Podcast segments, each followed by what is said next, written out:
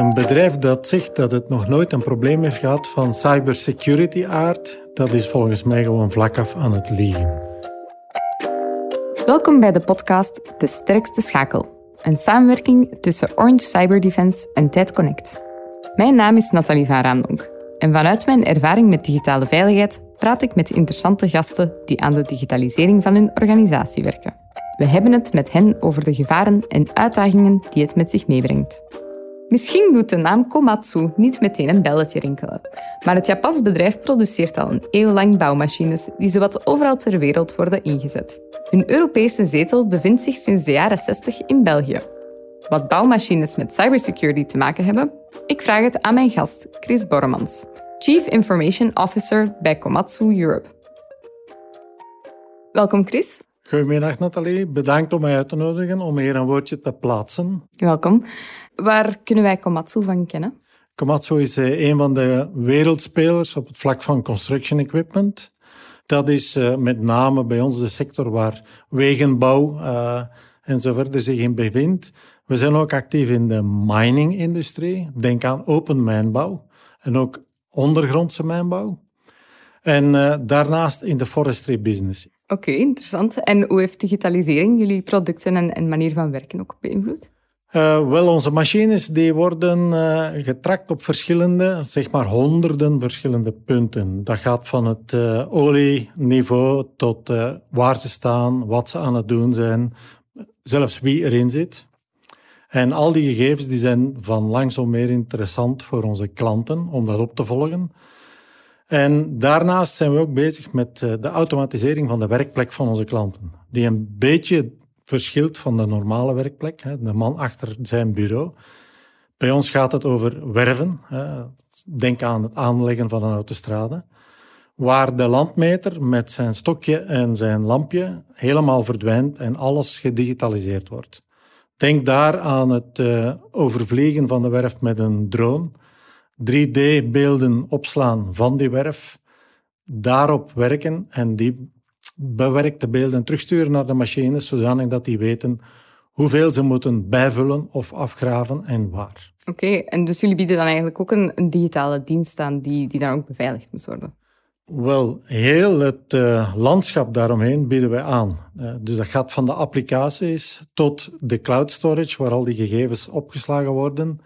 Uh, nodeloos te zeggen dat dit van levensbelang is voor onze klanten en dat we ons niet kunnen permitteren dat daar iets misloopt, een technisch defect of een hacking of wat dan ook. Ja, dus jullie zijn ook wel vrij afhankelijk geworden van IT. In een, uh, in vorige podcast sprak Erwin Verstralen van de Port of Antwerp dat als zij een digitale dikke truiendag zouden doen, het management toch wel een beetje in paniek zou geraken. In hoeverre blijven jullie operationeel als jullie plots een dag zonder netwerk zitten?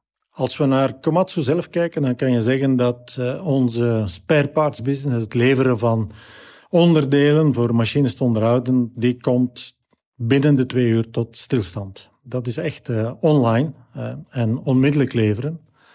Als je kijkt naar productie van de machines, dan zit daar iets meer rek op, omdat de nachtploeg typisch een voorbereiding doet voor wat tijdens de dag gaat gebouwd worden. Maar op het einde van die dag is het dan ook meteen gedaan. Nu, dat zijn wij.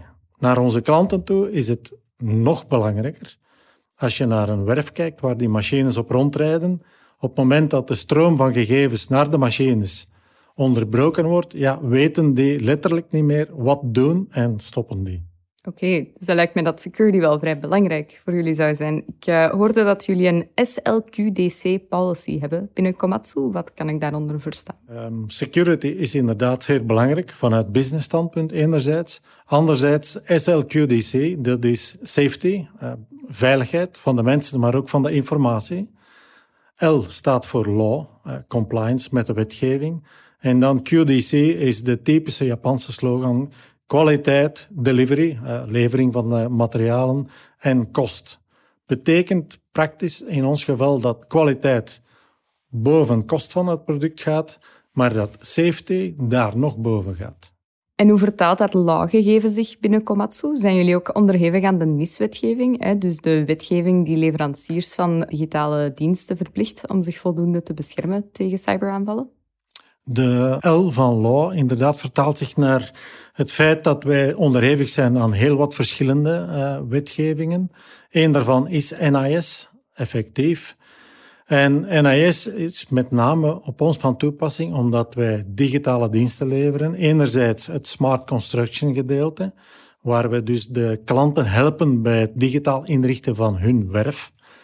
Anderzijds het monitoren en aanleveren van de parameters van de machine aan onze klanten. En beide vanuit een cloud. Dus dat dwingt ons om te complyen met die wetgeving. En omdat de Belgische wetgever uh, ISO 27001 als een noodzakelijk, maar ook meteen voldoende item aanziet voor compliance met deze wetgeving, dwingt ons dat min of meer om ISO 27001 compliance na te jagen en te gaan behalen. En ISO 27001 is met name een set van policies, procedures, processen die je moet uh, implementeren en waarop je ook meteen geaudit gaat worden. Ja, bedankt inderdaad om die ISO 27001 even uit te leggen. Nu, hoe zijn jullie daaraan begonnen om dat certificaat te behalen? Wij zijn uh, initieel even de markt gaan verkennen van uh, oké, wat is dat nu specifiek? Wie kan ons daarbij helpen? We zijn al terechtgekomen bij een uh, trouwe partner van ons, Orange Cyber Defense, die een specifieke business unit heeft om ISO 27001 certificatie te ondersteunen of mogelijk te maken voor hun klanten. Hoeveel belang hechten klanten zelf eigenlijk aan zo'n certificering? Op dit moment, eerlijk gezegd, voor de klanten zelf minder belangrijk. Alhoewel wij een tendens zien waar klanten voor grote projecten toch beginnen vragen uh, in hoeverre wij kwaliteit van onze dienstverlening kunnen waarborgen. En op dat moment natuurlijk wordt zo'n certificaat als ISO 27001 een troefkaart. Ik voorspel dat binnen dit en twee, misschien drietal jaren de klanten dat echt als een eis op tafel gaan leggen om nog machines te kunnen verkopen. En dat is goed om te horen dat Komatsu dan ergens al ahead of the curve is in security. Nu, hebben jullie al te maken gehad met cyberincidenten?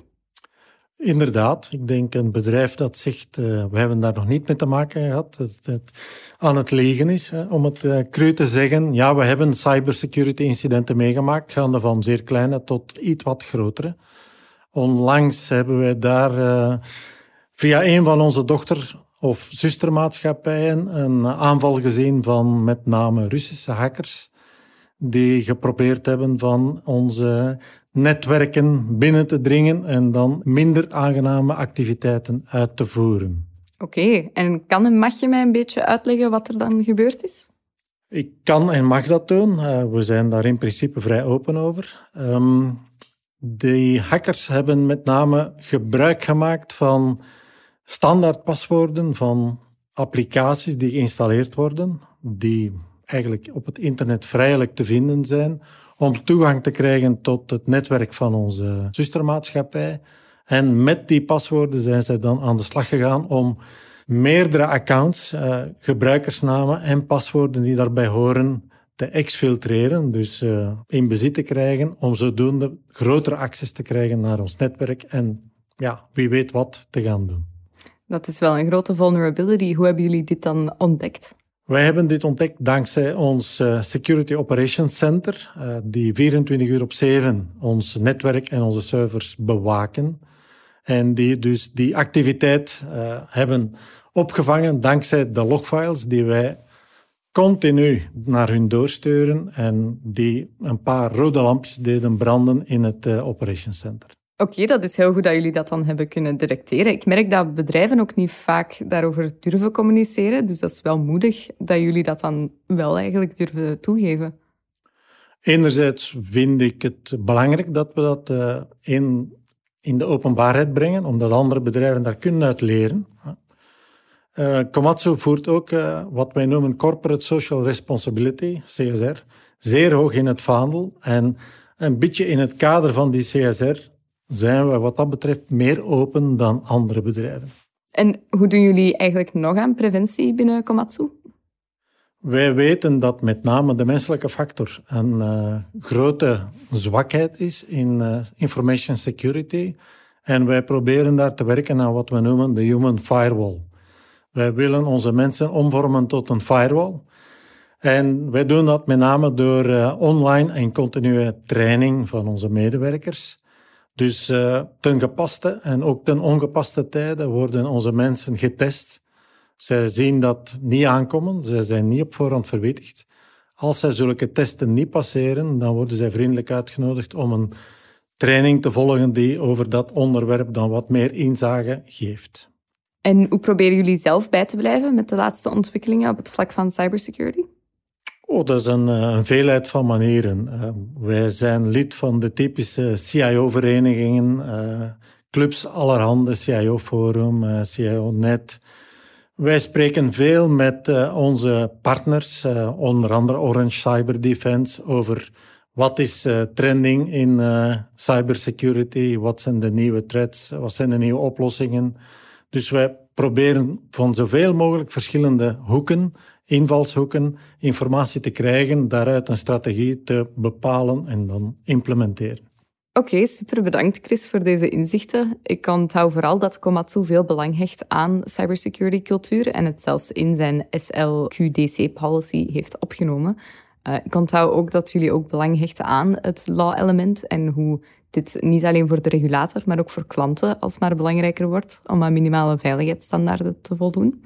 En ik onthoud ook dat IT een business enabler is en dat grote bedrijven hun machines met digitale parameters best verkopen. Graag gedaan, Nathalie. Het is inderdaad zo dat uh, security in onze DNA zit. En dat onze klanten inderdaad meer en meer uh, enorm belang hechten aan het uh, digitaliseren van hun werkplek. En wij dus met die machines daar aan die behoefte moeten voldoen. Vond je deze podcast interessant? Vertel het gerust verder of laat een recensie achter via je app. En abonneer je op De Sterkste Schakel via Spotify of een podcast-app naar keuze.